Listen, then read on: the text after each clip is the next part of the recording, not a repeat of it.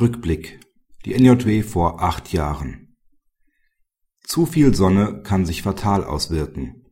Dies musste die Klägerin in der auf Seite 3644 abgedruckten BGH-Entscheidung erfahren.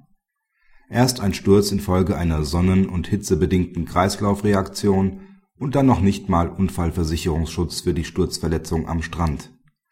Die Auswirkungen bei zu wenig Sonne sind nur bedingt besser ein verregneter Strandurlaub stelle grundsätzlich keinen Reisemangel dar, erklärten Klaus Tonner und Katja Krause in ihrem Aufsatz in der NJW von vor acht Jahren (NJW 2000, Seite 3665) und begründeten dies mit einer eindeutigen Risikozuweisung.